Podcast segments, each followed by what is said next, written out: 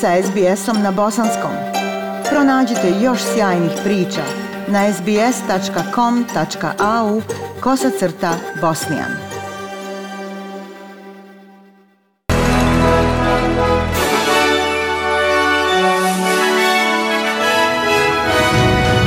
U današnjim vijestima poslušajte. Viktorija zabilježila 980 novih infekcija covid a Novi Južni Vels još 286 slučajeva, od kojih je 15 omikron varijante. Australski regulator za lijekove privremeno odobrio Pfizer vakcinu protiv koronavirusa za djecu između 5 i 11 godina i u sportu završen spomenik Mirzi Delibašiću, ipak njegovo otkrivanje odgođeno do proljeća. Slušate vijesti SBS radija na bosanskom jeziku. Australski regulator za lijekove danas je privremeno odobrio Pfizer vakcinu protiv koronavirusa za djecu između 5 i 11 godina, a ministar zdravstva Greg Hunt je rekao da bi vakcinacija mogla početi od 10. januara. Agencija izvršila pažljivu i temeljitu procjenu. Utvrdili su da je vakcina bezbjedna i efikasna i da je u interesu i djece i australaca da djeca od 5 do 11 godina budu vakcinisana. Zdravstveni podaci pokazuju da je skoro 88% australaca starijih od 16 godina primilo dvije doze, što je jedna od najvećih stopa vakcinacije u svijetu. Ukupna pokrivenost imunizacijom djece u Australiji je također visoka 95%. Pfizer vakcina za djecu te dobi još uvijek treba odobrenje Australijske tehničke savjetodavne grupe za imunizaciju, skraćeno ATAGI. Kada bude odobrena, bit će dostupna za oko 2,3 miliona djece u starosnoj grupi od 5 do 11 godina. Novi Južni Vels zabilježio je 286 novih slučajeva koronavirusa, dok država prati sve veći broj slučajeva varijante Omikron, za koju se strahuje da se širi u zajednici. Država je zabilježila nove slučajeve na osnovu više od 66.000 testova, dok je jedna osoba preminula. Doktor Kerry Chant kaže da sada postoji 15 slučajeva Omikrona u državi potvrđenih genomskim testiranjem u Novom Južnom Velsu, od kada su prvi slučajevi prijavljeni prošle sedmice, ali je samo polovina povezana sa osam zemalja koje izazivaju zabrinutost. Sada postoji ukupno 15 slučajeva COVID-19 sa varijantom Omikron. Sekvenciranje genoma je u toku i vjerovatno postoji još nekoliko slučajeva. Viktorija je dodala 980 novih infekcija svom broju slučajeva covid i zabilježila još sedam smrtnih slučajeva povezanih s virusom.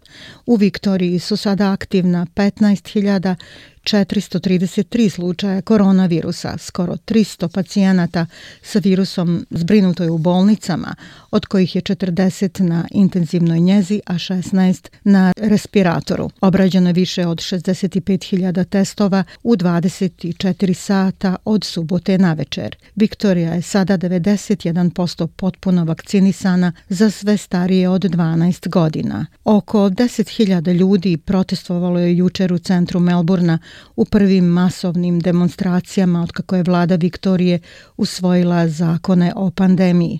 Gomila je marširala kroz Treasury Gardens uzvikujući parole i noseći nacionalne zastave. Vijesti iz svijeta. Prvog dana u Atini Papa Francis sastao se s nadbiskupom Geronimosom, poglavarom Grčke pravoslavne crkve i zamolio ga da oprosti greške koje su katolici počinili prema pravoslavnoj crkvi. I ođi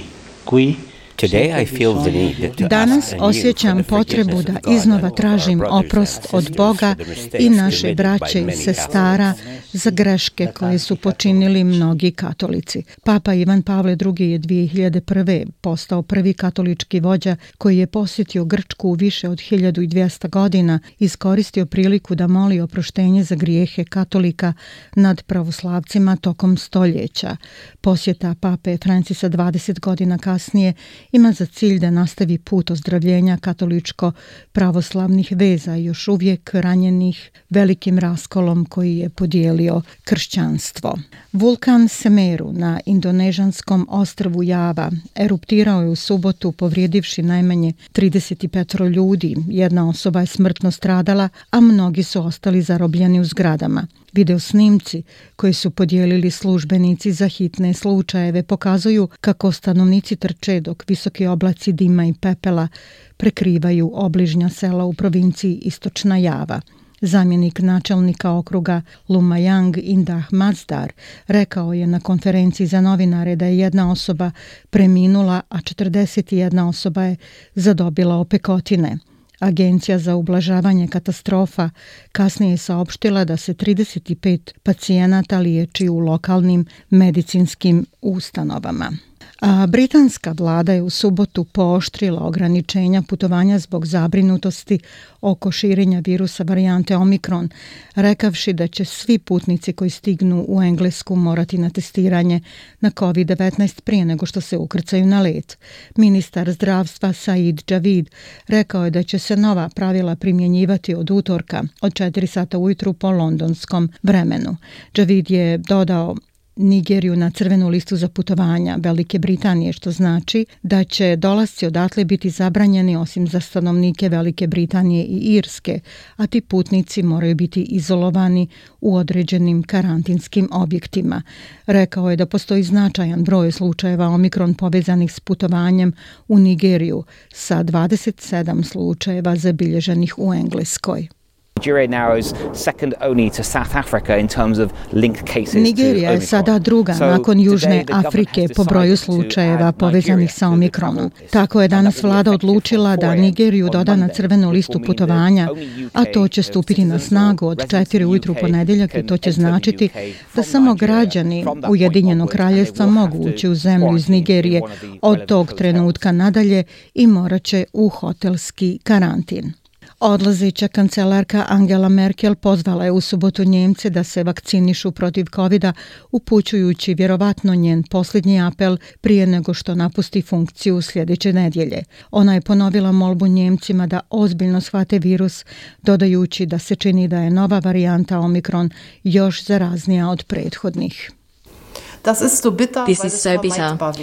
Ovo je tako gorko jer se moglo izbjeći. Uz efikasne i bezbjedne vakcine mi držimo ključ ovoga u našim rukama. Stoga vas još jednom pozivam. Ozbiljno shvatite ovaj podmukli virus. Posebno nova omikron varijanta čini se da je još zaraznija od prethodnih.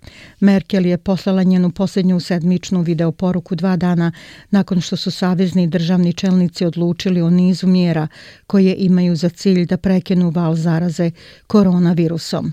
Mjere uključuju isključivanje nevakcinisanih ljudi širom zemlje iz prodavnica, restorana i sportskih i kulturnih objekata koji nisu nužni. CNN je otpustio voditelja vijesti Krisa Kuoma nakon što su dodatne informacije izašle na vidjelo tokom istrage o njegovim naporima da pomogne svome bratu, bivšem guverneru New Yorka Andrew Cuomo, da se izbori s optužbama za seksualno nedolično ponašanje. Gospodin Cuomo koji je vodio najgledaniju informativnu emisiju na CNN-u suspendovan je u utorak. On je u maju priznao da je prekršio neka od pravila kablovske mreže kada je savjetovao svog brata kako da se nosi sa optužbama iz perspektive odnosa s javnošću. Andrew Cuomo bio je primoran da se povuče s mjesta guvernera u augustu nakon više optužbi za seksualno nedolično ponašanje. On je negirao bilo kakvo krivično dijelo.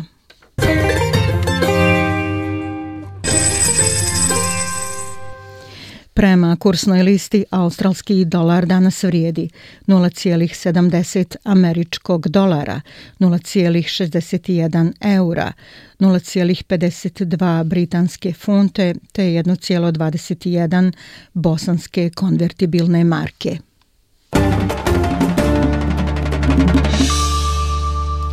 I vijesti sporta.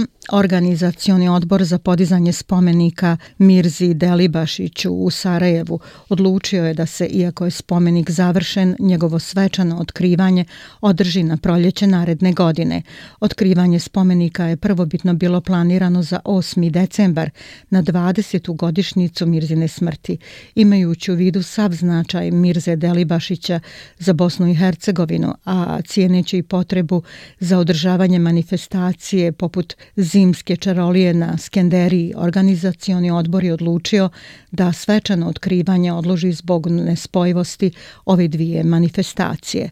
Autor spomenika je akademski skulptor Adis Lukač.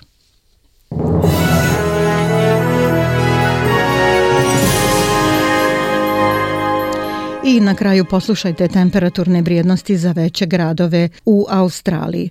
U Pertu sunčano 33 stepena, Adelaidu uglavnom sunčano 26, u Melbourneu 21, sunčano također, u Hobartu 20, u Sidneju oblačno 22, u Brisbaneu pljuskovi 27 i u Darwinu oblačno 35 stepeni. Bile su ovo vijesti SBS radija na bosanskom jeziku. Ja sam Aisha Hadži Ahmetović. Ostanite i dalje s nama.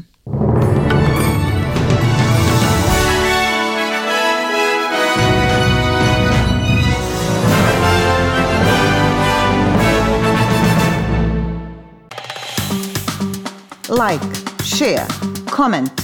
Pratite SBS Bosnian na Facebooku.